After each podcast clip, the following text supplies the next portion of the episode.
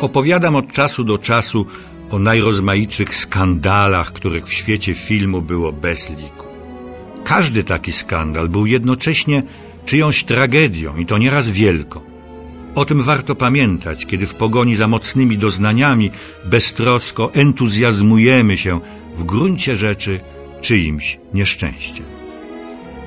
Większość tych skandali związana była ze sprawami damsko-męskimi, alkoholem i narkotykami, ale zdarzały się i nadal zdarzają skandale, tragedie zupełnie inne.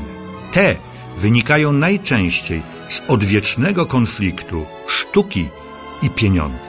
Bo jak wiadomo, filmu bez odpowiedniej ilości pieniędzy zrealizować się nie da. A co dopiero filmu ambitnego i niecodziennego. A takimi bywały filmy geniuszy dziesiątej muzy, Ericha von Stroheima, Orsona Wellesa czy Sergiusza Eisensteina. I tragedię tego ostatniego chciałbym dziś przypomnieć. Pancernik Patiomkin Eisensteina uważany jest za dzieło doskonałe. Inne jego filmy z lat dwudziestych, Strajk czy Październik, za utwory co najmniej oryginalne i wybitne. Pod koniec lat dwudziestych Eisenstein wyjechał za granicę. Zgodę na ten czasowy wyjazd musiał wydać sam Stalin. Przez pewien czas Eisenstein przebywał w Niemczech, we Francji, Szwajcarii, Wielkiej Brytanii. Fetowany, hołubiony, nie znalazł jednak nikogo, kto podjąłby się sfinansowania któregoś z jego oryginalnych projektów. Wyruszył więc w połowie 1930 roku do Hollywood. I tu przyjmowano go entuzjastycznie, ale nic konkretnego z tego nie wyniknęło.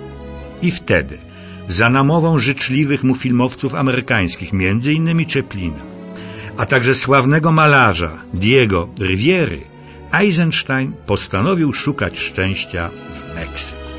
Od dawna zresztą marzył o filmie o tym fascynującym kraju.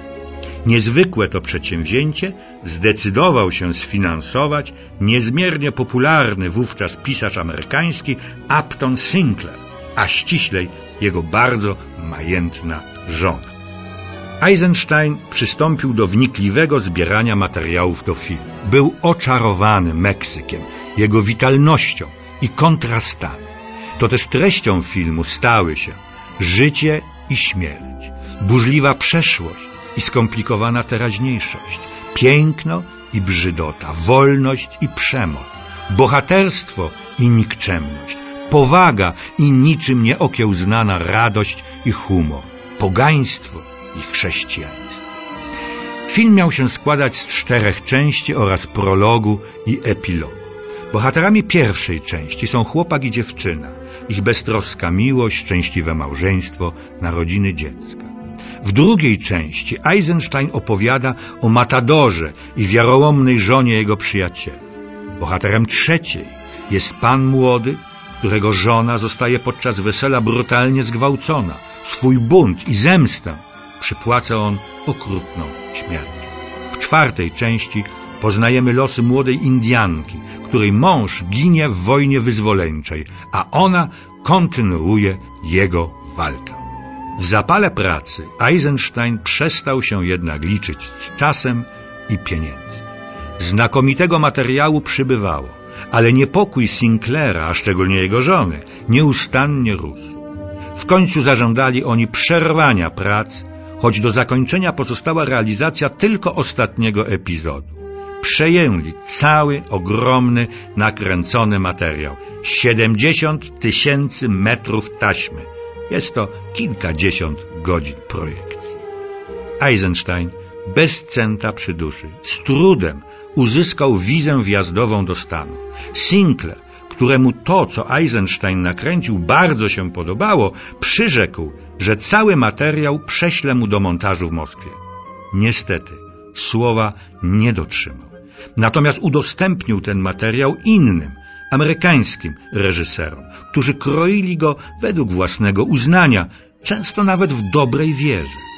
Ale nawet te filmy, Burza nad Meksykiem czy Czas w Słońcu, świadczą o niezwykłości i genialności wizji artystycznej Eisensteina. Dopiero po jego śmierci, rodzina Sinclaira przekazała cały materiał filmu Niech żyje Meksyk, que viva Mexico, bo taki nosił tytuł, archiwum filmowemu w Moskwie. I wtedy Grigory Aleksandrow, w czasie meksykańskiej wyprawy asystent Eisensteina, zmontował wersję zapewne najbliższą założeniom mistrza. Czy jednak odpowiada ona w pełni wizji Eisensteina?